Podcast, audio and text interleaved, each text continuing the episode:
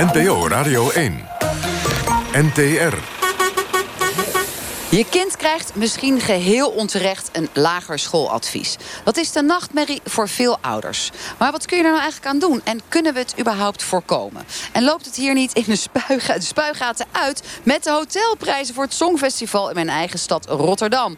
En wat zou u doen als u weet dat er mogelijk een kindermisbruiker in uw buurt woont? Live vanuit Rotterdam is dit het debatprogramma van de NTR. Kwesties met Marianne van den Anker. Goedenavond, wat fijn dat u luistert. Elke zondag reis ik met de knalgele bus van NPO Radio 1... kriskras door Nederland. Om vooral met inwoners en experts en soms politici... te debatteren over actuele kwesties. Vandaag sprak ik met uh, uh, heel veel mensen al op straat. Vorige week zaten we in Noord-Brabant. Vanavond hebben we allemaal inwoners van Zuid-Hollands in onze bus. Dominee Arnold Vromans, student... nou ja, dat ben je eigenlijk nog steeds, Willemijn Krans. Student, maar ook voorzitter van de JOVD Rijnmond... en kitesurfcoach Ruben van Domburg. Zitten nog veel meer andere mensen in de bus, waaronder Karim Akbar. En hij is jarig vandaag. Dus we hebben wat taartjes hier neergezet, al een liedje voor hem gezongen. De sfeer zit er goed in, maar wij gaan stevig debatteren... zoals u dat van ons gewend bent. Om te starten met de kerstbomen. Want het gaat goed met de Nederlandse economie. Dat zien we ook aan de hoeveelheid kerstbomen... die we dit jaar met z'n allen lijken te gaan kopen. Meer dan 200,7 miljoen. Dat is de verwachting die uitstaat. 5% meer is dat dan vorig jaar. En de kerstboom van iets meer dan 2 meter, dat is dit jaar de geliefde maat. Nou, dat is nogal wat. Nog tien dagen, dan is het al kerstmis. Wie heeft er al een boompje gekocht? Ja, Willemijn, Arnold. Wat staat er eigenlijk in jouw kerk voor boom, trouwens? En hoe groot is die? Oef, uh, daar zou een boom in kunnen van een meter of 15 hoog. Ja? Maar ik geloof dat uit praktische overwegingen en verhuur en met koren en alles wat er heen en weer schuift, dat er waarschijnlijk geen kerstboom staat. Dus wij doen heel veel met kerstverlichting en sierversieren. Klokjes, toestanden, maar geen kerstman ook in de kerk, hè? is verboden? nee, nou, verboden weet ik niet. Ik vind het eigenlijk een oninteressante man. Ik hou niet van concurrentie voor Sinterklaas. niet eens een religieuze overweging. Nog even vingers omhoog. Wie heeft de kerstboom al gekocht? Ja, jij ook, Maaike. Maaike. Jij ook, Ruben? Nee? Nee. Nee, Karim, jij? Nee, geen kerstboom thuis. Nee, Hans ook niet? Dat gaat niet En oké, okay, en degene die hem hebben, neppen of een ik echte? Heb een speciaal. Bart Engbersen, wat dan? Ik heb namelijk door leerlingen een andere kerstboom laten maken. Oh. En die hebben een halfpipe gevonden en daar hebben ze ledlampjes in gezet. En nu Van plastic? Ja. Lekker. He, is dat? Want we wouden natuurlijk net een beetje relateren aan die kerstbomen... en alle discussies over stikstof, klimaat en dan 2,7 miljoen bomen. dat kinderen een eigen ke kerstboom verzinnen. Ja, en die halfpipe was er al. Of hebben ze daar een nieuw plastic voor gebruikt? Nee, die was er al. Oh, oké. Okay. Willemijn, jij zag eens eerst je vinger op. Een echte of een neppe? Uh, nou, in mijn kleine studentenkamertje heb ik geen kerstboom van uh, twee meter staan. uh, maar bij mijn ouders hebben we wel een echte kerstboom staan. Ik denk niet dat die twee meter is, maar wel groot genoeg en ook zeker echt. Kijk. Jij, Maaike? ja, we hebben ook een echte kerstboom thuis staan. Geen twee meter, dat past niet in het appartement, maar hij staat er wel. Oké, okay, Hans, jij zei bij mij komt hij er ook niet in. Waarom niet? Nee, we hebben een houten kistje of een paar houten planken... en daar hebben we in de vorm van een kerstboom met lichtjes in gedaan. En ik vind het eigenlijk niet uh, duurzaam, uh, zo'n uh, zo kerstboom. Dus geen goed idee. Voor nou, dat is meteen ook natuurlijk de kwestie die we willen behandelen. Hè. We hebben vliegschaamte voor alles en nog wat. Het kan allemaal niet meer. Kerstboomschaamte. Ja. Arnold, eigenlijk kan het toch niet meer? Want de meeste mensen kopen hem zonder kluit. Ja, ja. 2,7 voor een paar weekjes. Ik, ik meet mijn kerstboom als volgt uit. Ik kijk wanneer die het plafond raakt. Dan laat ik hem weer zakken en dan knip ik hem bij. Dus die van mij komt precies tot altijd net zo'n stukje onder het dak. Dus ik heb zo echt zo'n grote loeier staan altijd. Nee, um, ja, ik, ik denk er zijn ook van die ik probeer met heel veel dingen goed te zijn met milieu. Hè. Ik rij in een Prius, zo'n auto die klinkt dan... En uh, ik, weet je, allemaal van dat soort dingen. Ik ga niet meer vliegen, ik ga ermee op vakantie. Maar een, ik steek geen vuurwerk meer af, terwijl ik echt daar geweldig gek op ben. Mm. Maar een kerstboom dan ook nog een keer niet, daar trek ik dan de streep, blijkbaar. En maar je kan toch ook gewoon een, een neppe doen of, uh, ja, en die dan halen bij de kringloop? nog erger. Mm. Omdat ik echt denk, die dingen verstoffen op een gegeven moment. Die vallen uit elkaar. Ik heb niet het idee dat die ten lange les nou echt meer Ik denk dat de, de plastic Ruben. kerstboom en überhaupt een kerstboom... hele beleving is dat je naar buiten gaat en je, je sleept dat ding over je schouder. En het is, een, het is een meer een consumeerritueel waar op zich helemaal niks mis mee is. Maar ik zou gewoon willen zeggen, als je iets consumeert, dan zitten daar gevolgen aan. En als die gevolgen niet doorberekend worden in de prijs dan ga je het gedrag nooit veranderen. En dan moet je ook niet vragen van mensen. Ja, er zijn ook mensen die rijden lekker in een oude diesel, want het klinkt zo lekker. Dat is wel een nou, ander als de- geluid dan die auto van kosten- Arnold Vromans. De kosten die ontstaan door het gebruik van deze goederen... of het aanschaffen van deze goederen... als die, als die, eh, als die heel hoog zijn voor de planeet... dan moet die door doorberekend worden in de prijs. En dan kunnen we gewoon de economie zijn werk laten doen. Maar gaan we nou echt het milieuprobleem oplossen... door geen kerstboom meer te verkopen? We gaan Of het- door daar extra Nee, we belasting gaan het op te heffen? milieuprobleem oplossen... door de gevolgen van consumptie van bepaalde goederen... door te in de prijs. Dat is Maar- net met vlees zo. Maar Ja, maar waarom moet dat vanuit de overheid? Als mensen willen dat het milieu beter wordt, dan is het... Jawel. Het is vanuit, econo vanuit economisch Nee, dan, denken. want als je zegt, we berekenen het door... dan heb je het dus waarschijnlijk over belastingen of vaccins of weet nee, ik dat veel is, wat. dat is dus hoe Komt het een tax, een kerstboomtax. Ja. Als En je er een eentje koopt. kerstboomtax. Nou ja, dat lijkt me een heel slecht plan. Dat lijkt me ook een Eh, slecht plan. als We mensen, zijn het daarover eens. Nou, heel fijn. Nou ja. Ja. ik denk dat het mensen hun eigen keuze is of zij een kerstboom willen. Het gaat dus niet wil over je de een keuze plastic van mensen. kerstboom? Wil je een echte kerstboom? Wil je een halfpipe? Ik bedoel, doe lekker je ding. En eh, denk zelf nou over die gevolgen. Maar het is denk ik de taak om dat zelf te doen... en niet om anderen om dat aan mensen op te leggen. Maar Willemijn Kans, schrik jij niet, ook al ben je voorzitter van de JOVD en is het allemaal liberaal, dat het er 2,7 miljoen zijn. En die staan inderdaad maar voor een paar weken bij mensen in huis. Nou, degene die met die kluitjes proberen weer terug te stoppen in de tuin om het jaar erop weer te kunnen neerzetten, die komen ook vaak gewoon met een half boompje weer terug die helemaal dood en overleden is. Dus het zijn wel heel veel, het zijn wel bomen. Ja, maar die bomen die worden wel geplant puur voor dat gebruik van kerstbomen. Dus het is niet dat we bossen aan het kappen zijn... zodat mensen eh, kerstbomen kunnen hebben. En ik denk dat het je eigen keuze is wat je consumeert... en dat wij niet moeten gaan zeggen wat je wel of niet mag consumeren.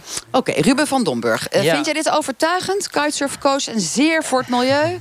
Ik ben zeker zeer voor het milieu, maar ik denk dat mensen intrinsiek moet motiveren om bepaalde keuzes te maken. En dat je niet kunt verwachten dat men ineens heel erg zorgen gaat maken om problemen waar ze in het dagelijks leven niet mee te maken krijgen. Ik moet het gewoon met de economie oplossen, niet door de vorm eh, van, de vorm van belastingen, maar bedrijven die deze producten tot stand brengen, die moeten de kosten betalen die ze betalen aan het milieu. Ruben, nou zegt de dominee, ik knip zelfs een beetje bij... totdat Ja. hij net onder het plafond zit. Dus we gaan ook nog allemaal keurige weten. takjes... waar hij waarschijnlijk geen bakjes van maakt. Ik, ik Toch? oordeel daar niet Die over. pleurt hij gewoon weg. Nee, nee, nee, nee, nee, mijn vrouw Maar die zegt het- mee. ja. Ik- Ja, ja, Ja. de verlichting en Krantje voor de, Ja, hè, precies. voor de voordeur. hangt er ook. Maar die zegt, jezus man, ik doe wel zoveel dingen niet meer. Ja. Laat mij dan die kerstboom gewoon lekker neerzetten. maar ik het denk is dat toch ook geen wedstrijd? Arnold Vromans. eigenlijk van een kerstboom.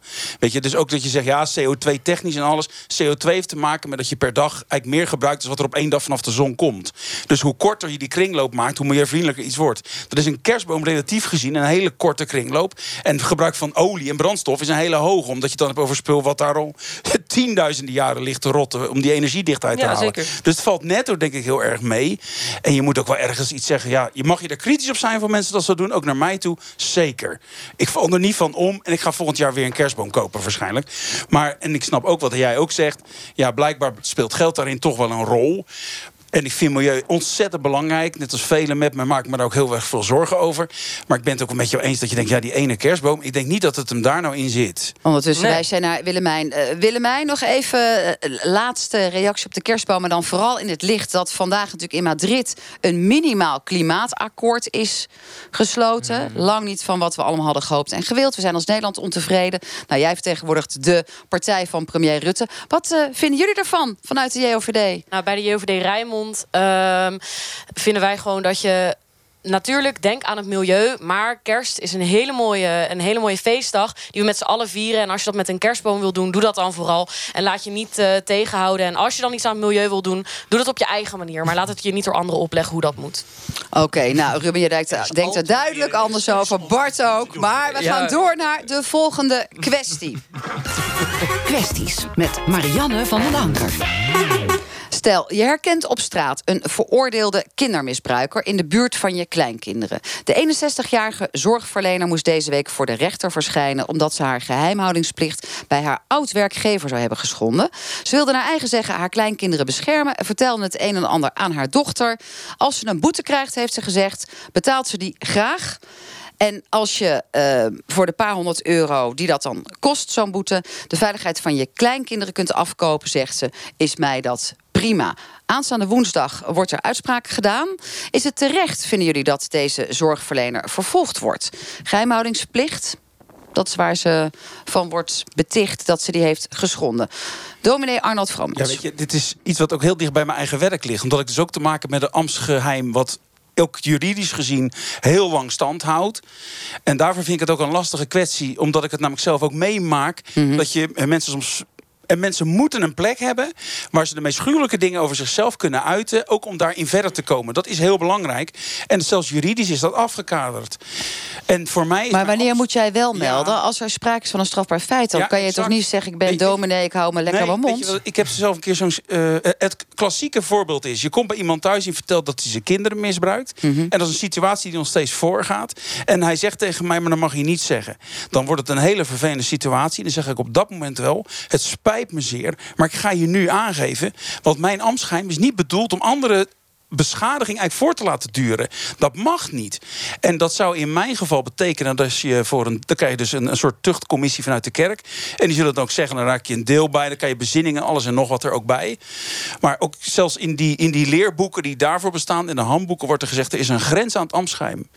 Dus dat ergens snap ik dat. Alleen bij haar is het natuurlijk niet de situatie dat er op dat moment dreiging al was. Maar- er was een risico op dreiging. Hey, ik, ik ga niet nu op de plek van de rechter zitten. zitten Nee. Ruben denken, van Domburg, kitesurfcoach. Deze vrouw heeft een, heeft een wet overtreden, toch? Ja. Als Nou, daar zij wordt ze van, als- wordt ze van verdacht. Ja, het is nou ja, nog niet zover dat dat al een orde, tot een orde heeft geleid. Als, ja, oké, maar als zij aannemelijk kan maken in de rechtszaal... eh, met een advocaat in de arm... ten opzichte van een andere partij... dat zij, dat zij, eh, niet, ja, dat zij tot deze keuze is gekomen... dat het een uitzondering is op de regel... of dat, ze, dat er verzachtende omstandigheden waren... dan, dan moet het toch die rechtszaak gewoon doen om daarachter te komen. Dat is ja, toch ja, dat idee. kan zijn dat ze vrijspraak krijgt of Maar een dan is het toch terecht dat ze berecht wordt... als ze een regel heeft overtreden.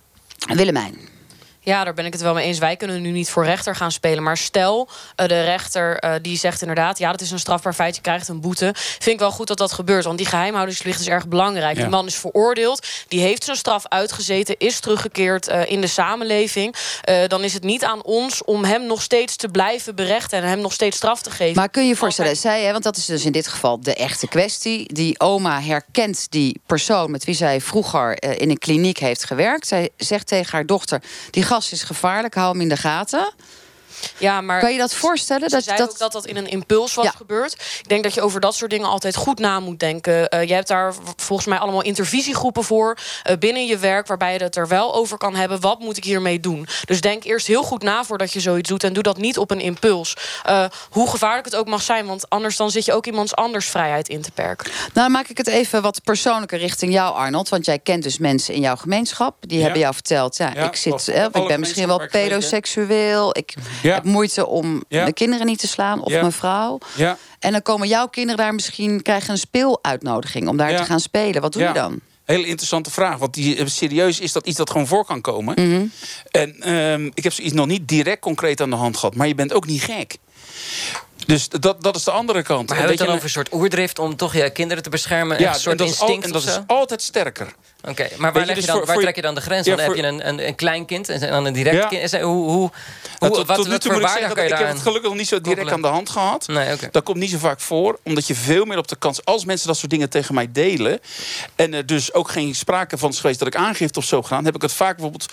als je iemand hebt die zegt... ja, ik ben eigenlijk heb ik mijn, eh, ik heb mijn kinderen misbruikt bijvoorbeeld. Dat heb ik t- drie keer, vier keer meegemaakt, iemand dat zei. Dat schrik ik, Ja. vind ik heel erg. Maar dan vaak heb ik te maken over iemand die dat vertelt... die dik in de zeventig is of zo. Ja. Kijk, daar gaan mijn kinderen niet spelen.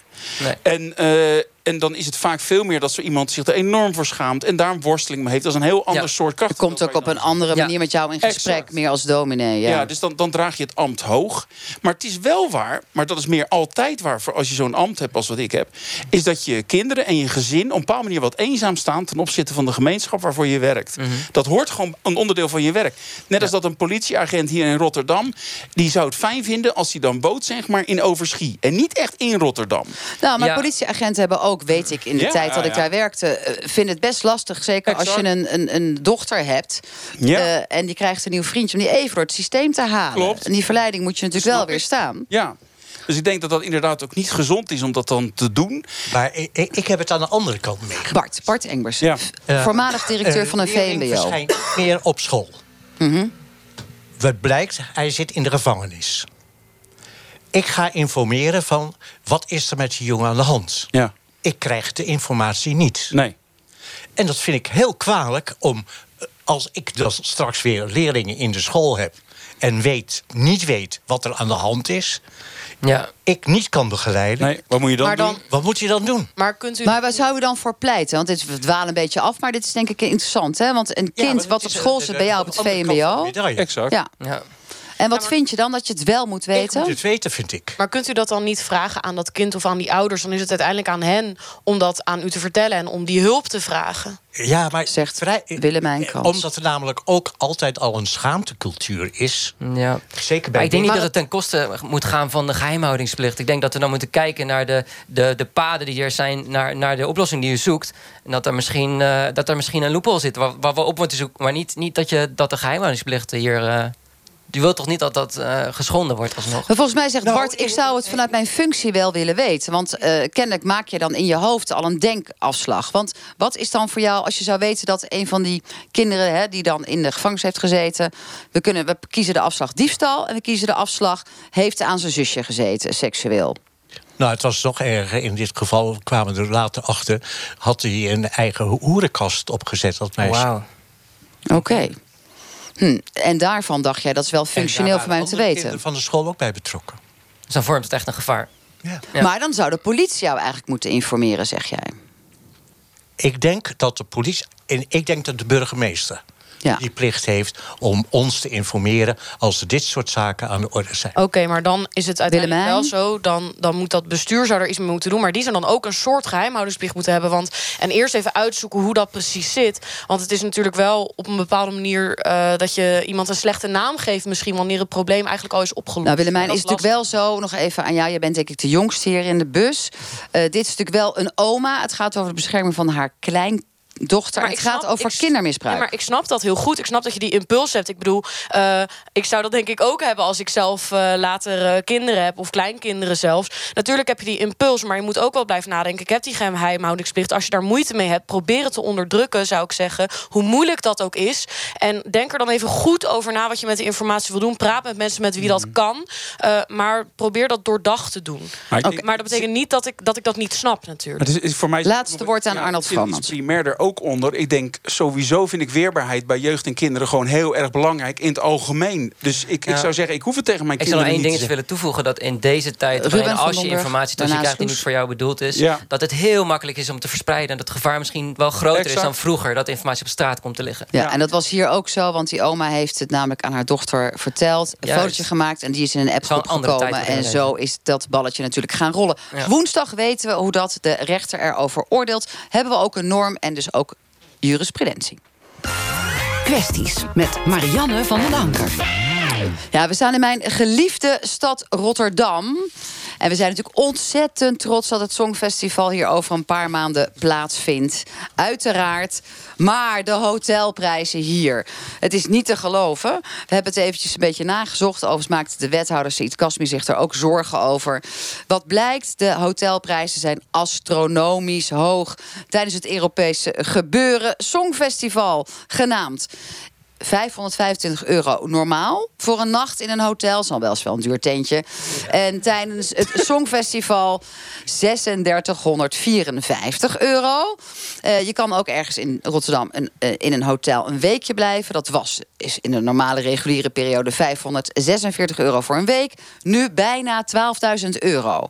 Nou, dan zijn die kaarten ook nog eens een keer uitverkocht in 20 minuten tijd. Bizar duur. Eh, is alweer fraude, want er zijn alweer nepkaartjes op de handel. Nou ja, je kan zeggen, logisch. Rotterdams om dat gelijk zo goed te organiseren. Ja, dankjewel, dankjewel. Goede prijzen. Maar is het logisch? Willemijn Krans, jij bent JOVD-voorzitter, lekker liberaal, marktwerking moet zijn werk doen. Ja, bij de JOVD Rijnmond zeggen we inderdaad... marktwerking moet zijn werk doen. Eh, al wil jij een miljoen betalen voor een hotel... dan is dat jouw eigen keuze. En dan eh, is het niet aan de gemeente om te zeggen... dat mag je niet meer doen. Eh, als mensen het ervoor willen betalen... zo werkt de vrije markt. Dus ik zou zeggen, prima als jullie het ervoor kunnen krijgen... doe dat vooral. En, en in het perspectief van gastvrijheid en belastinggeld... en nou ja, weet ik het wat Arie Slop allemaal Nou, heeft er bij moeten 14 plussen... om dit allemaal mogelijk te Er maken. wordt 14 miljoen geïnvesteerd in het Songfestival volgens mij. Dit is juist een manier ook om dat geld geld weer terug te verdienen. Ook om Ja. binnen die economie dingen terug te verdienen. Ja, dit Nu wordt Karim Angbar, onze jarige man... Ja. die wordt nu toch echt wel Ja, een beetje boos. ik- ja, NTR-presentator, mbo-docent. wel dat ik denk, eh, het gaat altijd om geld. En wat ik, wat ik zo waardevol vind aan, aan eh, wethouder Kasmi... is dat hij ervoor gezorgd heeft dat heel veel mensen... met een minder dikke portemonnee ook naar die Songfestival kunnen. Omdat ik namelijk eh, vind dat iets als een Songfestival...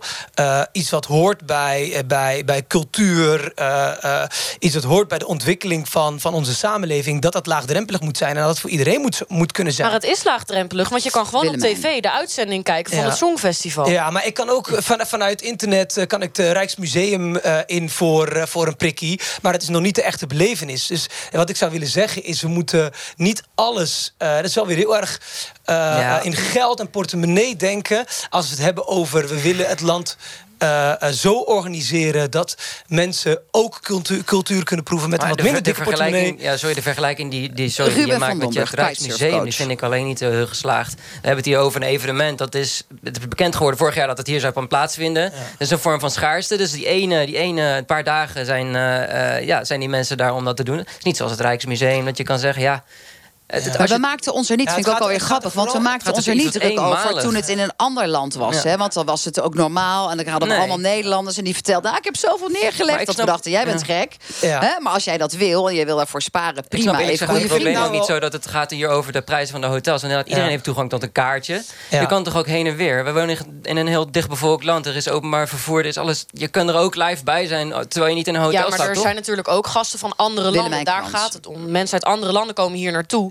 Ja. Eh, en en die, die betalen daar dan eh maar inderdaad ook nog geld. in te- in te grijpen in de markt. het- Het is niet realistisch. Je zou toch het, het, eh, dus, hè, dus de samenleving, begrijp me goed, het gaat niet alleen om, om Nederland, maar het Europese gedachtegoed. Ik zou inderdaad het veel laagdrempeliger willen maken eh, als het gaat om, om, om gelijkheid, om Hoe zou je het concreet willen maken? Want is het ja, realistisch? hoe concreet Nou ja, kunnen we het maken? Het, het is zeker realistisch. Eh, Hoe? Ik vraag nou me ja, af hoe. omdat, omdat alles gaat om, om een dikke portemonnee. Als, hoe, als, als, begrijp, je, maar je- als je op een normale dag 500 euro Je betaalt maakt een en soort moreel appel, maar het 1200 gaat er uiteindelijk om. 12.000, 12.000. Ik ben het met je eens dat, dat er veel ongelijkheid is. En dat er kansongelijkheid is. En dat eh, sommige mensen met een mindere portemonnee... Die kunnen draagt daaraan dit bij. soort dingen. Ja, maar Dit hoe ga je dat een zorgen... elitegroep Nee, maar komt hoe gaan we en dat- zorgen... dat de rest niet kan Niet door elkaar. Je kan ook zeggen, eh, dat is misschien dan een, een soort tussenweg tussen het gedachtegoed van Willemijn vanuit de JOVD. Dat deze dure prijzen worden waarschijnlijk betaald door de mensen die uit Europa komen. Want de Nederlanders gaan natuurlijk hier niet in zo'n hotel zitten. Die gaan gewoon lekker terug.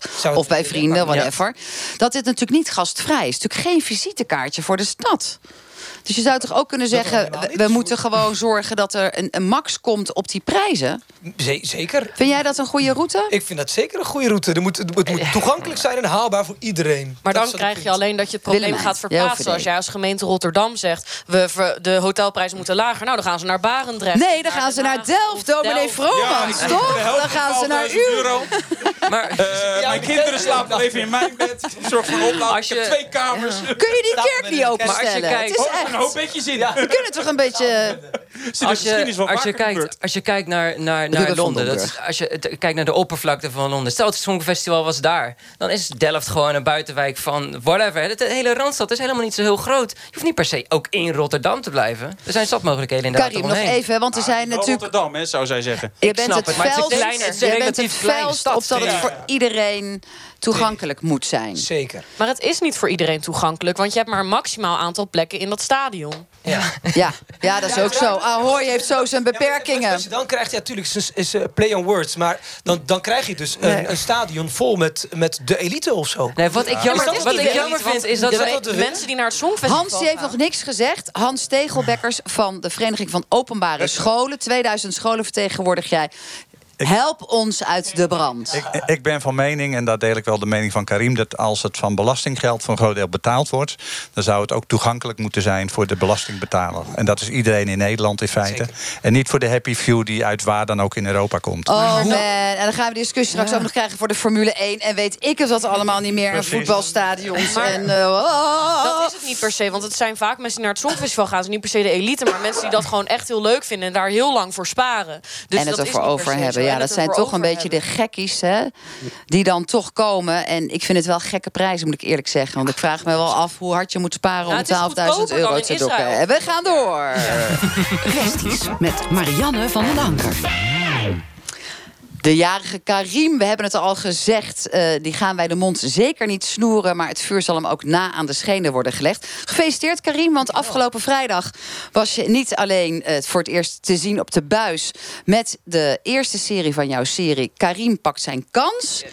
Hartstikke leuk, goede reacties gekregen. Ja, heel veel. Het, tegelijkertijd eh, dubbel. Hè? Dus, dus ook wel positieve kritiek eh, over dat eh, eh, in de eerste aflevering het heel erg over etniciteit ging. Maar heb ik wel een klein beetje met een filmpje online uitgelegd dat in aflevering 2, 3 en 4 weer de diepte ingaan van het thema. En dat je dan merkt dat het niet om etniciteit gaat, maar om sociaal-economisch. Wat slim dat je gewoon denkt, ik, ik doe het gewoon in vier. Dan blijft iedereen alle afleveringen kijken. Want in de serie Karim pakt zijn kans onderzoek jij hoe het is gesteld met de kansen van leerlingen met veel potentie en weinig middelen. Denk jij dat alle kinderen in Nederland evenveel kans maken op een goed schooladvies? Of zijn de vooroordelen juist hardnekkig, waardoor hun kansen al vroeg worden ingeperkt? Ja, eh, eh, eh, sinds de jaren zeventig hebben we al een probleem met kansenongelijkheid in, in Nederland. In ieder geval, toen is Jos van Kemenade, de toenmalige minister van Onderwijs, begonnen met dat probleem op de agenda te zetten. En nu in 2016 is er weer iemand heel balzig geweest die binnen de onderwijsinspectie gezegd heeft: dit moet hoog op de agenda komen in de, in de staat van, van het onderwijs. En het is nu tot 2019 echt een serieus probleem waar we wat mee moeten. Maar zoals Jos van Kemenade ook aanstaande vrijdag gaat zeggen, verklap ik toch een klein beetje, is hij zegt: alleen het gekke is, Malieveld en de Dam loopt er niet vol van. Hm. Nou, wij, onze bus wel, want wij praten over dit onderwerp met Bart Engers. Hij is oud-schooldirecteur van het VMBO. Is ook jurylid van de exclusieve scholencampagne. Elke, elk jaar maar weer. En jij zit in de commissie van de Nieuwe Leerweg. Maaike van Rooyen, je hebt onderzoek gedaan naar dit fenomeen. En jij werkt bij het Verwij Jonker Instituut. En we hebben Hans Tegelbekkers. Hij is van de Vereniging Openbare Scholen. 2000 scholen. En is dat vertegenwoordig juist een beetje alles? Want het is heel ingewikkeld in Nederland. We hebben nog christelijke scholen, openbare scholen, islamitische scholen. lalala. Ja, het openbaar onderwijs is ongeveer 30% in Nederland. En de overige is eh, ongeveer 70% dus. Oké, nou ja, goed. Je hebt recht van spreken, zullen we dan maar gewoon zeggen. Karim, waarom heb jij deze serie gemaakt? Ehm, het, het tweeledig, ik heb het zelf eh, meegemaakt. Ik heb zelf een, een eh, HAVO-advies gekregen, of een HAVO-CITO-score gehaald, maar het advies gekregen om naar VMBO-kader te gaan. Ehm, ik heb ouders die eh, waren heel betrokken binnen de vier muren van ons huis, maar daarbuiten was het wat minder. Eén, omdat ze elf kinderen hebben, en twee, omdat ze een enorme taalbarrière hebben. Ehm, en dat is iets wat niet alleen mij overkomt, maar ook heel veel andere kinderen door het hele land. En dat vind ik gewoon zorgelijk. En dat is gewoon iets waarvan minimaal eh, het Malieveld en de Dam vol zou moeten lopen om dit probleem aan te pakken. Helder. Hans Tegelbekkers, je bent niet alleen directeur van die Vereniging van Openbare Scholen, maar zelf ook lang leraar geweest. Ook veel adviezen gegeven. Denk jij ook dat onderadvisering, want dan heet dat zo. Kinderen hebben potentie. En dan is er toch een docent die zegt: Nou, weet je, je kan misschien maar beter gewoon HAVO doen of MBO doen of nog iets lager. Terwijl je misschien wel VWO zou kunnen. Ja, ik heb 27 jaar lesgegeven, eh, vooral bovenbouw, veel adviezen gegeven. Eh, ook aan Turkse, Marokkaanse, Somalische eh, kinderen. En de brugklascoördinator zei altijd na een paar jaar... van, goh, jullie school veroorzaakt weinig verdriet. En dat vond ik altijd een compliment. Want eh, een, een, een te laag of te hoog advies kan verdriet veroorzaken. Ehm, ik heb ook met interesse het... het eh, rapport gelezen van eh, eh, Jonker. En ik had ook de gedachte dat belangstelling vanuit huis daar wel een rol in speelt. Maar wij ehm, eh, baseerden ons advies niet alleen op de CITO-toets, maar vooral op heel veel andere dingen. De CITO-toets kwam pas na het echte advies. Ja, want dat is sinds 2015 ook zoals het moet gaan. Hè. Je krijgt eerst je advies van school. En daarna pas die eindtoetsen. Een van die vele die je daar tegenwoordig voor mag selecteren als school. Of het nou CITO is of Route 8 of IPE of wat dan ook. Ehm, maar waarom hebben jullie dan zeg maar een succesvolle manier van advisering onder de knie weten te krijgen? Waar zat dat dan in? Nou, ik denk dat wij dat toen al lang deden. We hadden zeer zorgvuldig eh, eh, advies voor de kinderen. En ik moet ook wel En bij waar keek je dan naar? Nou ja, eh, we keken naar attitude, we keken naar huiswerkhouding, we keken naar zelfstandig, we keken naar weerbaarheid, nou al dat soort zaken. Maar ik moet er wel bij zeggen. Maar keek je dan ook, want dat is natuurlijk het vermoeden wat hier op tafel ligt, keek je dan ook naar kleur of wellicht gebrekkig Nederlands wat ouders spreken? Nee, eigenlijk niet. Want uh, er waren Marokkaanse, Turkse jongens en meiden. Nou, die presteerden gewoon fantastisch. Uh, ik zie eigenlijk daar nooit onderscheid in. Bart, Bart Engbers, wat is jouw ervaring? VMBO-directeur, dus je hebt ze dan binnengekregen. Kreeg jij ze met advies van de basisschool binnen? Onderadvisering vaak meegemaakt of juist overadvisering? Uh, ik vind dat moeilijk te zeggen. het is een heel grijs gebied. En het is ook zeer afhankelijk waar de school staat. Het is heel erg, bijvoorbeeld in zo'n stad als Utrecht heb je een paar wijken, zoals Kanaleiland en Overvecht. Dat zijn zeg maar de ingewikkelde wijken. Ja, nou heel plat gezegd zeggen mensen... nou, er wonen toch meer mensen met achterstanden. Dus die kinderen, want als je ervan uitgaat... dat er een soort unconscious bias is... dus die kinderen zullen ook wel niet zoveel kunnen. Ja, maar dan moet je toch ook constateren... dat in zo'n wijk als Overvecht er wel een excellente school bestaat. Mm. Bijna alleen maar Turkse en Marokkaanse leerlingen. Dus je kunt er best iets van maken. Ja, Heel goed zelfs. maar kijk, wel, wel, een kleine nuance, sorry. het is belangrijk om, om uh, ze uh, Nederlandse, Turkse Nederlanders te noemen... of Marokkaanse Nederlanders. Of in ieder geval dat even te vertellen dat u dat daarmee bedoelt natuurlijk. Hè? Ja, ja, Want anders dan lijkt het alsof het... ja, kijk, weet je, ja nee, ik, begrijp, ik begrijp dat jullie het bedoelen. Wel belangrijk maar, wacht even. te benoemen. Kijk, waar, waar dus... Dat gezegd hebben, er wordt omarmd door iedereen. Gaan we natuurlijk ons vanaf nu af aan houden. Het begint thuis. Hè? Daarom vond ik het ook zo goed wat jij zei. Want wat is volgens mij de crux van succes? Dat is taal. Ja, taal en rekenen. En er wordt in sommige milieus, en niet alleen in Turkse en Marokkaanse origine, maar ook in bepaalde Nederlandse, niet gelezen.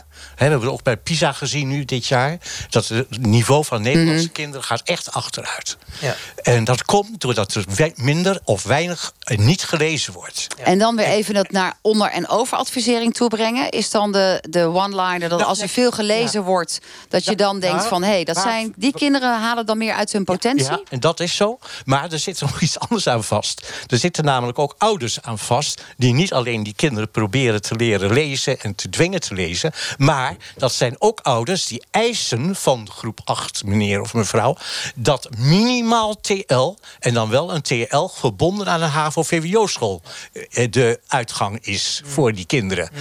En die zullen dat, zo'n leraar, ook echt onder druk zetten. Ja. En dat zal ook weinig gebeuren, wat je zegt. Ja. mijn ouders die komen niet zo buiten de deur. En dan speelde, speelde bij ons thuis ook nog wel... Karim, uh, de soort uh, het fenomeen van...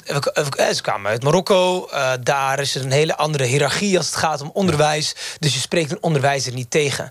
Maar dus, dus dat, dat zo even een kleine nuance nog. Die kansenongelijkheid die gaat zeker niet alleen om etniciteit. Nou, eigenlijk maar vind jij wel, om het scherp te maken, Riem, dat er toch... Hè, we hebben het over onderadvisering, overadvisering... dat er sprake is van discriminatie. Dat zien we met stages, dat zien we met huizen kopen. Is dat in het onderwijs ook zo? Durf je dat te stellen? Ja, zeker. Durf ik zeker te stellen. Uh, en dat heeft te maken met dat...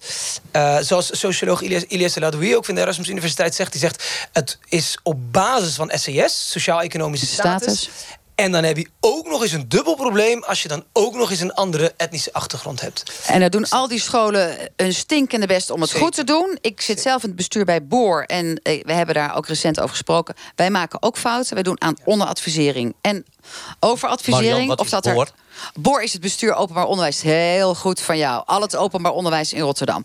Uh, en wij maken dus beide fouten. En wij gaan er ook als een stinkende uh, best voor doen om dat eruit te halen. Maar dat is lastig. Maar eerst even kijken naar onderwijs in om kinderen te pesten. Dat nee, zeggen. nee, dat is ook zo. Niemand, er is geen onderwijs die denkt ik ga kindjes pesten. Dus dat is wel belangrijk om te Maaike Foy, er ligt van alles en nog wat op tafel. Mhm. Ouders, de wijk waar je uit voortkomt. Misschien toch wel een tikje discriminatie. Individuele uh, goede leerkrachten die het precies goed weten te doen. Jij hebt er onderzoek naar gedaan vanuit Verwij Jonker. Wat denk jij? Is er sprake van discriminatie als het gaat om onderadvisering?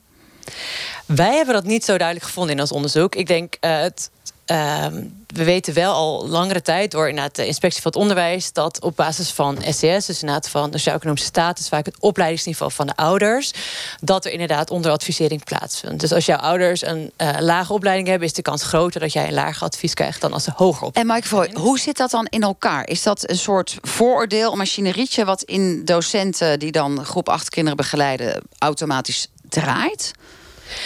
Ik denk niet dat het automatisch is. Ik denk, ik ben het heel erg met eens wat Karim net zei. Ik denk dat alle onderwijsprofessionals het beste willen. Je gaat niet het onderwijs in omdat je denkt, ik ga heel rijk worden of ik wil. Nee, nee, nee, dat blijkt wel. Stoppen. Je doet echt je best daarvoor.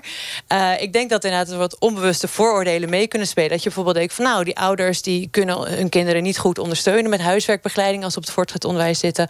Dus Daar wordt zij thuis niet voorgelezen, zoals Bart misschien. Ja, dus laten we voor de veiligheid dan een niveautje lager kiezen. Of, en voor de veiligheid bedoel je dat het goed uitkomt. Hè? Niet voor de veiligheid dat, die kinderen worden mishandeld. Voor, hè? dat ze net geen faalervaring hebben. En dat ze dan denken van, nou ja, dan kunnen ze bijvoorbeeld eerst een VMBO-diploma halen. En als dat goed gaat, kunnen ze door naar de HAVO of het MBO. Of op die manier daar zich verder in ontwikkelen. Jij zegt, er is geen discriminatie, maar er is wel iets met een, een, een onbewust vooroordeel. Nou ja, dan kan je natuurlijk ook, dat ligt natuurlijk zo op het randje van dat dat misschien wel discriminatie is, Karin. Ja, omdat discriminatie is, zoals we dat uh, uh, in ieder geval breed gedragen uh, daarvan zeggen dat is dan iets opzettelijks. Uh, en ik zeg, er zit ook nog wel een groot deel eigen verantwoordelijkheid in het creëren van je onbewuste vooroordelen. Dus wat doe je zelf om te investeren om je eigen onbewuste vooroordelen positief te beïnvloeden? Als je enige uh, uh, referentiekader met Nederlandse Marokkanen is opsporing verzocht, ja, dan is het uh, super negatief. En dan zul je dus altijd negatieve onbewuste vooroordelen hebben. Is het omdat je denkt, nou, ik ga eens, ik, ik, loop Rotterdam, de, de, mm de, de een, een, vergadering is binnen, dan zie je meteen dat mensen met, een, met Marokkaanse roots. Uh, uh, heel ver, het heel ver geschopt hebben. Nou ja, en die geven ook gewoon allemaal les, denk ik, op de meeste scholen die ja. onder de hoede van het bestuur vallen waar ik in zit, hebben we redelijk divers personeelsbestand. Niet allemaal hoor, kan ook nog een tikkeltje bij. Hans, hoe kijk jij daarna? Want er wordt natuurlijk gezegd, ja, het is subtiel. Er spelen het is... dingen, denk ik. Andersom heb ik ook meegemaakt dat ik eh, naar, naar ouders van, van een kind heen ging in groep 8. En die ouders hadden hele lage verwachtingen. Want het gaat over verwachtingen. Hè? En uh, wij hadden hoge verwachtingen. En dan ging ik naar die ouders. En die zeiden van, nou, uh, laat mijn kind maar naar, de, naar toen nog de huishoudschool gaan. En zei ik van, ja, maar uw kind heeft HAVO-niveau. Dus laten we lekker gaan voor de HAVO. Hè? Tenzij een kind uh, echt dat zelf ook wil. Hè? Want je hoeft natuurlijk helemaal niet HAVO of VWO te hebben. Kijk, uh, fijn met je handen werken. Ja, we spreken over hoger en lager. De discussie hebben we al gehad. Ja, wat, wat mij maar je bent van de vereniging van alle openbare scholen. Is het schooladvies ook bij jullie club, 30% van Nederland, gekleurd of niet? Ik durf dat, uh, daar niks over te zeggen. Er zijn veel factoren van invloed, dat weet ik. Mike van Rooij, jij hebt er onderzoek naar gedaan. Is het schooladvies gekleurd in Nederland? Nou, dat, uit ons onderzoek blijkt dat niet zo duidelijk naar voren komt. Ik denk dat wat ik eerder zei, dat SCS, dat is echt bewezen. En ik denk dat er wel een bepaalde mate van subjectiviteit is. En inderdaad, een bepaald ja, aantal factoren zijn er genoemd. De Nederlandse taal, de bekendheid met het onderwijssysteem, ouders die betrokken zijn bij school, die op de stoep staan. Dat speelt allemaal een rol. Uh, maar of dat echt ja, discriminatie is. Dat... Ja, Bart Engers, oud VMBO-directeur. Sociaal-economische uh, ongelijkheid, mm. hè, die is dominant. Zeker. Maar hij is ook gekleurd. Die sociaal-economische positie. Het is vaak Indirect is het, is het, heeft het uh, wel met elkaar te maken. Ja. Ruben van wat, wat, wat, wat bedoelen jullie ermee met dat hij dan gekleurd dat is? Dat armoede heel erg ook bij uh, juist uh, de Marokkaanse en Turkse... ja, dat is, dat is dus een, een, een, een, heel, een heel goed voorbeeld van die onbewuste vooroordelen. Want dat is natuurlijk helemaal niet zo. Dat we, nou. we, hebben, nee, nee. Wat we hebben is, we hebben arbeiderswijken, uh, zoals we het in de jaren zeventig noemden. En nu is dat uh, Rotterdam-Zuid uh, en noem maar op. dan is geen identiteit gekoppeld aan een lage sociaal-economische status. Maar dan is het tegengehouden zijn in de ontwikkeling... omdat je niet je volle, volle potentie hebt kunnen bereiken... omdat in Hilgersberg, ik chargeer... er wel schaduw in onderwijs ingekocht kon worden. wel om zes uur... Nou ja, en ook extra bijles en ouders misschien dag doornemen, ook, wat heel ja. erg onderschat wordt. Voorlezen voor het slapen gaan, Kop, wat heel erg onderschat wordt. Ja, dat is echt enorm waardevol. Dat gebeurt in Rotterdam-Zuid niet. En ja, dat is waar. Toen waren daar de huizen goedkoper. Daar kwamen de arbeidsmigranten naartoe. En zo is dat in stand gehouden. Dat Maar er zijn toch ook pareltjes juist. Ik weet ook van docenten die hebben gezegd... we hebben een paar pareltjes erbij zitten. En die zijn naar speciale programma's gestuurd. We hebben hier het bedrijfsleven die zegt... wij pikken er ook een paar eh, op en die geven extra ondersteuning. Ja, Maar- ik maar- denk dat... Mag ik mag Bart Engbers. voorbeeld? Eh, want eh, dat er gediscrimineerd wordt in een school, weet ik zeker. En, eh, Maar hoe, Maar ik wil even, hoe zit dat in elkaar dan? Precies. Hoe werkt dat? een leerling heeft zeg maar ruzie met een leraar. En die leerling die zegt, hij discrimineert mij. En hij, die leraar die stuurt hem eruit. Komt die leerling bij mij. Ja, En toch de directeur. Die leraar van aardrijkskunde, die, dat is, die discrimineert. Ja, je meteen eh, scherp, toch? Alert? Ja, dat is nogal een beschuldiging natuurlijk. Ga ik met die man praten? Of vrouw? Dat is het moeilijkste gesprek wat je kunt hebben. Hmm. Namelijk, dan moet ik dus iemand die door een leerling beschuldigd wordt van discriminatie zover zien te krijgen. Dat, nee, ik moet uitzoeken of die inderdaad. Of het waar is, is toch? heel complex. Is, eh, Dat is heel complex, want Ja. daar zit een vijandschap tussen die twee. De een zegt dit en de ander zegt dat. Maar voor mij was het moeilijkste. Een leerling kan ik uiteindelijk nog wel zover krijgen dat hij zegt. Ah, nou, Eh, Karim, nog even voordat ik bij jou kom, Willemijn. Even met die leraar. Ik zeg dus, jij discrimineert. Want dat zegt die leerling. En dan wordt die man of vrouw zo kwaad. U beschuldigt mij van discriminatie? Dat zijn ook grote woorden, hè? Ja. Hele grote woorden. Maar dat wou ik aan Karim vragen, want dat is natuurlijk ook een. een hè, aan de ene kant moeten we, denk ik, op basis van deze uitzending en ook van jouw serie, Karim pakt zijn kans, alerter worden op wat speelt er nou eigenlijk allemaal eh, in dat adviestraject en hoe doen we dat met z'n allen in Nederland. Maar de keerzijde is natuurlijk ook dat veel mensen die een biculturele achtergrond hebben, zich gaan emanciperen en opeens opstaan en zeggen: we hebben ook recht op van alles en nog wat. En ook heel snel het D-woord gebruiken. Ik word gediscrimineerd. Terwijl je soms denkt, je bent gloeiende. Ja. Je moet bedankt staan, jij, rakker, Zeker. dat je dit zo durft te zeggen eigenlijk tegen een docent. Geldt ook voor mijn kinderen, die dus eh, ook echt dat. serieus niet oké zijn op tijd, tijd en wijlen. Ja, ja.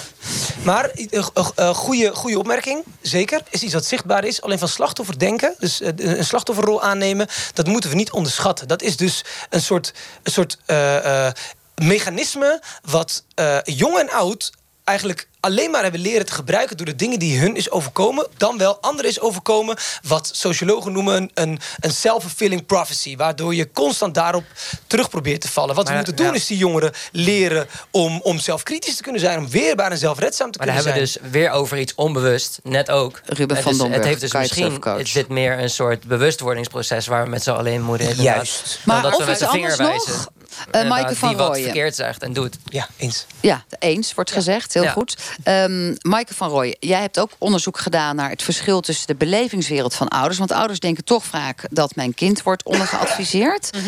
Ehm, en jullie stellen eigenlijk vast dat dat niet zo is, feitelijk gezien. Waar komt dan het gevoel bij ouders vandaan dat scholen hun kinderen lager inschatten dan ze eigenlijk in de ogen van hun ouders aankunnen? Nou, ik, ben, ik denk wel dat het af en toe gewoon gebeurt. Dus ik denk dat er ook wel uh, dat, het, ja, dat het gewoon voorkomt. Uh, en dat dat soort verhalen ook heel erg gaan leven en aan elkaar verteld worden en een rol gaan spelen. Uh, maar ook dat er heel veel fout, nou fout is een groot woord, maar dat er de communicatie tussen scholen en ouders met een ja, met een migratieachtergrond ook heel erg verbeterd kan worden. Dat ouders meer meegenomen kunnen worden in het proces van wat voor advies krijg je, waar is dat op gebaseerd? Um, nou ja, een heel, ik vind een mooi voorbeeld altijd dat uh, ouders van school te horen krijgen van het gaat goed met uw kind. En dan denken ze van, oh, daar hoort een VWO-advies bij. Terwijl het gaat goed betekent, nou, hij maakt vriendjes, hij is actief op school, hij is aan het leren. En dat wil niet zeggen, hij of zij krijgt een VWO-advies. Dus ik denk dat in die communicatie tussen ouders en uh, onderwijsprofessionals, wat van beide kanten is, ook nog heel veel verbeterd kan maar kans, worden. Sorry, kans, kansongelijkheid gaat, gaat voor mij om meer dan alleen uh, um, je bent in groep 8 aangekomen en nu krijg je het advies. En uh, je hebt CITO, op je CITO HAVO gehaald, maar je moet naar de MAVO.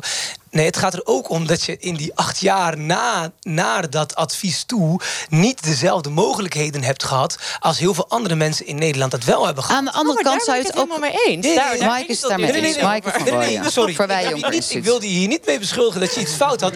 Alleen wel duidelijk te schetsen. Want het gaat hier namelijk straks gaan mensen vrijdag kijken en denken ze, oh, het valt allemaal wel mee. Dat, Ja, maar dat is om toch het een- even te nuanceren. dat is Nou, maar dat, dat punt moeten we misschien stevig maken. Want je zou ook kunnen denken... joh, weet je, daar ben je onder acht geadviseerd. Dan doe je er twee jaar langer over. Dan word je zo'n opstromer. Dan doe je MAVO, HAVO, VWO. Komt ook allemaal goed. Karim? verschrikkelijk. Want ik heb zelf, op ja, ik heb, en dat is echt zonder om, om te lachen. Ik heb een verschrikkelijke puberteit gehad. En dan, en dan is het, en daarbij ook nog puber zijn, maar ook nog constant denken: ja, blijkbaar ben ik iemand die eh, eh, eh, dom is, die, eh, die het niet aan kan. Dat wordt dan weer die self-fulfilling prophecy. Ik ga me dat aanpraten. Ik sprak acht jaar, alle acht jaren op de basisschool. goed je- Nederlands en op de middelbare school niet. Karim, maar je wilt toch niet zeggen dat alle Engels. domme kinderen Nee, zijn? nee, nee, nee, nee, nee, wacht even. Als jij weet als kind dat jouw full potential eh, HAVO is of VWO is, maar er wordt tegen je gezegd: ga toch maar een VMBO-kader. Ik denk dat dat beter voor jou is. Dan ga je je goed voelen en dan klim je uiteindelijk op. Dan denk ik: wacht even, volgens mij kon ik gewoon HAVO Dat aan. is gewoon geen goed advies, Dus- eh, zou ik willen zeggen. En, en Bart is wel van de school dat hij altijd zegt... VMBO, dat is ook heel belangrijk. Oh, dat kinderen zijn- worden dat gewaardeerd dat die dat doen. Toppers, Maar- dat zijn toppers. die zijn zo freaking waardevol voor de samenleving. Laat dat wel wezen. Ik wil En het is ook unconscious bias, hè? Dat wij met z'n allen denken, ah, het is maar VMBO. Hans, Hans Tegelbekkers, vanuit de Vereniging Openbare Scholen. Ik zou twee dingen nog willen meegeven. Eh, Er lijkt een systeem te ontstaan waarbij hoger opgeleide eh, ouders eerder een advies om kunnen buigen Mm. bij een iets hogere eh, toets. Nou, eh, de niet-westerse ouders, zeg ik maar even in het algemeen, die, die hebben daar misschien wat minder, meer moeite mee, omdat ze minder mondig zijn. Mm. Maar ik heb ook zien gebeuren dat uh, hoogopgeleide eh, kinderen, die gewoon eh, VWO haalden, later hun kind bij mij kwamen opgaven, hadden goede baan, eh, goed opgeleid. En dan vraag ik aan die ouder van, goh, jouw dochter kan vast heel goed Nederlands praten. Vier jaar, hè? Nee, mijn dochter praat geen Nederlands. Want wordt de opa en oma opgevoed. Ik denk dat we daar ook een rol in hebben van huis uit, zeg maar. Om een bepaalde trots te hebben. Of, om eh, naar je kinderen mee te nemen, voor te lezen. En ook te zorgen dat een kind ook, ook bij een, Maro- een Marokkaans, Nederlands-Marokkaans gezin, hè, toch ook Nederlands te leren praten. En Hans, hoe krijgen we dat er dan uit? Want jij hebt het ook dus over overadvisering. Hè? Dus er zijn ook dus veel kinderen daarvan. eh, wordt tegen gezegd: jij kan het allemaal makkelijk. En die zitten allemaal te stressen, want die halen het eigenlijk helemaal niet. Die hadden beter een niveautje lager gekund. Nou ja, ik- overadvisering, ik- ik zou- onderadvisering. Hoe kunnen we het oplossen? Nou ja, ik denk dat we van de CITO-toets af moeten. Ik zou zeggen, vertrouw eens een keer op de leraar. Eh, schuif het advies, want we zijn veel te vroeg aan het selecteren. Schuif zo'n advies nou eens een keer op Zeker. naar 14 jaar of zo. De 10-14 school is een opmars. Finland zelfs eh, 16 jaar. Dus, De eh. Doorlopende weerleg. Ja, Jos van Kemenade. Ja. Zijn we weer, terug? Zijn we weer terug bij Jos van Kemenade? Bart, is dit de oplossing ook voor unconscious Eh, nou, bias? eh, voordat we, eh, ik wil even aandacht vragen voor één probleem in groep 8. Als namelijk de adviezen bijna uit zijn, dan eh, zijn er dus kinderen die naar het VMBO moeten. Mogen. Wat dan? Of mogen? Ja, ja ik, weet, ik zou willen dat het mogen was, maar je weet hoe erover gedacht wordt. Deze kinderen worden in de rest van groep 8 eigenlijk een beetje in de afvalbak gezet. Hmm. Ja, je En krijgt die komen 1 maart krijg je advies van school. komen ze naar Ja. een VMBO toe. Want Er zat niet meer in dan VMBO. Ik ben het daar niet mee eens. En, en ik ben daar. Ik, ik wil er zo vurig pleidooi houden van dat ook de VMBO-kinderen in groep 8 alle aandacht verdienen die Minimaal. ze moeten hebben om door te gaan. Hans, je bent het er niet mee eens? Of ik zie je een beetje zo kijken van... Nou, eh, kijk, ik, ik heb nooit eh, VMBO-leerlingen eh, eh, als minder gezien. En ik, ik denk dat een leerkracht dat ook niet heeft. Alleen, ouders hebben vaak het idee van... eh, omdat de publieke opinie vindt iets van het VMBO... Hè, dat is ook ontzettend jammer. Daar wordt het een soort eh, afvalputje van gemaakt. Dat is zeker niet eh, verstandig. Want eh, dat zijn wel de vakmensen van de toekomst... die we keihard nodig hebben. Dus als je nou het, eh, eh, het, het eh, advies eens even een paar jaar uitstelt... Hè, je- maar dan, oké, dat... klinkt dan hartstikke leuk. En dan ga ik daar toch even weer terug naar Mike. Die zegt als eerste, ik heb er uitgebreid onderzoek naar gedaan vanuit VJ Jonkers. Het is de sociaal-economische status. Dan stel je het lekker uit. En heb je nog steeds ouders voor je van die kinderen in een lage sociale klasse zitten. En dan? Kinderen kunnen is het toch groeien. niet opgelost? Ik heb MAVO gedaan, ik heb HAVO gedaan, ik heb PA gedaan, ik heb post-HBO-opleidingen gedaan. We zijn niet allemaal snelbloeiers. Hè? Je hebt ook laatbloeiers. Dus hoe meer je dat keuzemoment kunt uitstellen, hoe meer kans je ook hebt om, eh, om te groeien. En hoe, hoe, eh, hoe langer het duurt tot het tot een bepaalde segregatie komt. Want hier is de segregatie begonnen. Nou ja, en daar maken we ons heel veel zorgen over. Want hier is die Precies. tweeling tussen hoog opgeleid, laag opgeleid. eh, goede wijken, slechte Mede wijken. Wordt alleen maar erger. Mike van Rooyen, onderzoekers die zitten vaak natuurlijk de boel tot op de puntjes en in een puntje uit te zoeken. Ook vaak qua oplossingen goede ideeën. Hoe zou je, ook al zeg je dat er geen sprake is van discriminatie, toch die vooroordelen, dat unconscious bias eruit kunnen gooien? Eh, ik denk dat een hele goede stap is dat er nu zo, dat er meer aandacht voor is. Dat het bewustzijn creëren over dat vooroordelen een rol kunnen spelen. Alle docenten zijn ook mensen, kunnen ook fouten maken. Wees daar Zeker. bewust van.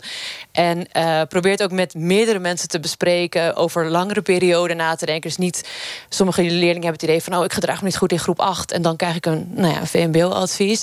Ehm, terwijl als je nou ja, over langere perioden kijkt... ik zou de toets wel meenemen. Omdat ik het wel het idee heb dat dat voor ouders en leerlingen... een soort safety measure is. Zodat ze kunnen zien van... Maar ook voor de kwaliteit van de school lijkt mij toch? Of dat, je iets, of dat die school een beetje heeft gedaan wat ze moeten doen. Want anders krijg je namelijk dat zwakke scholen eindeloos door kunnen is gaan. er officieel Ja. gekomen omdat eh, eh, eh, er heel veel kinderen waren die niet het juiste advies kregen. Toen werd er gezegd, nou dan moeten we het gewoon meten.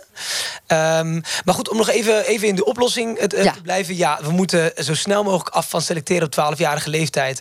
Omdat er heel veel laadbloeiers zijn met mensen met een lagere Ja, maar wacht even nu, Karim. Nee, Karim, er is een onderzoek geweest. Ik, ik mis Bart Engbers. jullie.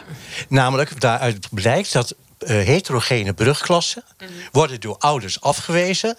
Omdat namelijk de betere leerling daardoor in kwaliteit zou achteruit gaan. En dus wat mindere leerling juist in kwaliteit omhoog zou gaan. die- dus maar wacht even. Dus wat, wat, ze kijken alleen maar naar de toch cognitie. Hè?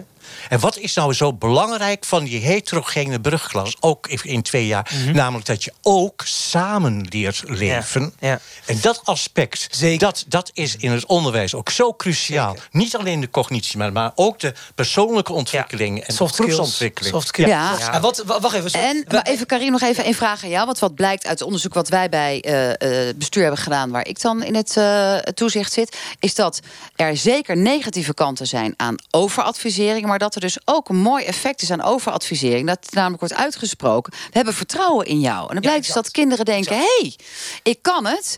Dus als ik een beetje harder werk, dan red ik het ook.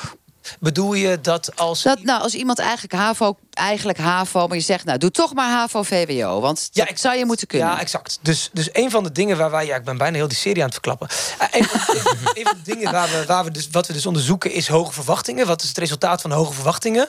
Eh, daarnaast eh, komen we er dus ook heel snel achter dat inderdaad... het op sommige, op sommige scholen, het zo 10, 14 scholen... voorkomt dat de toppers uiteindelijk iets zakken. Maar op, op een van de goede voorbeelden is, is een 10, 14 school in Gorkum. Die zorgt ervoor dat, dat, dat die kinderen nog meer excelleren. Omdat er heel veel vanuit intrinsieke motivatie, wat je leuk vindt, wordt gewerkt. Daarnaast is, is, kan het een niet zonder het ander. 12-jarige leeftijd, die knip, is verschrikkelijk. En daarnaast hebben we ook nog dat we als een van de enige landen in heel de freaking wereld zeven onderwijsniveaus Ja, hebben. dat is bizar. en geen doorlopende leerweg. En dat hele ingewikkelde HAVO-verhaal, wat allemaal moe- Het moeilijk Nederlands onderwijssysteem is echt heel... Maar we gaan er, een, we gaan er eentje uithalen. Oké, Bart, jij vertelt nog in de laatste minuut van deze uitzending... wat ja, sta jij voor, ook met de commissie Nieuwe Leerweg?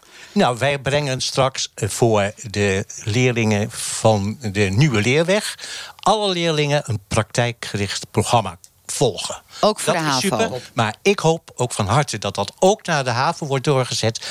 En op die manier krijg je gewoon een veel betere voorbereiding op keuzes voor later. En hopelijk allemaal richting HBO natuurlijk. Maar, Hans, jullie stonden natuurlijk al op scherp voordat Karim met zijn serie kwam. Maar nu zijn jullie extra op scherp. Wat gaat 30% van Nederlands doen met dit idee van kansenongelijkheid om het beter te krijgen? Ja, daar val ik even stil van. Maar ik, Nou ja, jullie hebben vast een plan klaar liggen.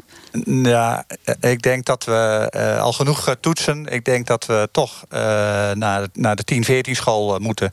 En eh, het keuzemoment uit moeten gaan stellen. Ik denk dat dat het belangrijkste is. Eens, Maaike? Ja, dat wordt volgens mij al heel lang geroepen in onderwijsland. Dus volgens mij zijn het niet alleen op het gebied vooroordelen van discriminatie, maar dat heel veel leerlingen inderdaad zich wat later ontwikkelen en dat het heel positief zijn als het iets later is. Ja, daar ben ik het mee. Mooi. Nou, tot zover kwesties vanuit Rotterdam. Dank jullie allemaal. Volgende week staat de bus van NPO Radio 1 weer op een andere locatie in Nederland. Blijf luisteren, want zo direct Radiodoc. Vanavond het laatste deel van een tweeluik over de start van de Syrische revolutie. Scholier Heba en student Peshmerge vertellen hoe zij al hun moed verzamelden om mee te doen aan de demonstraties in Aleppo. Een hele fijne avond.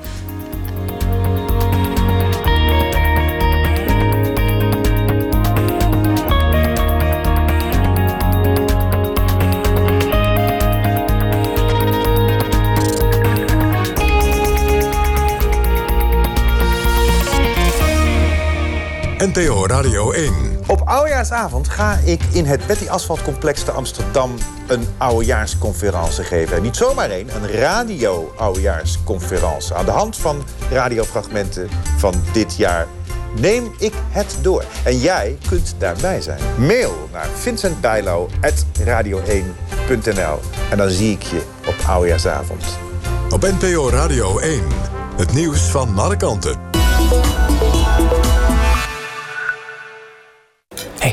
Henk. Haar moeder is een zware drugscrimineel. Wat? Ja, en zelf werkt ze bij een escortbureau.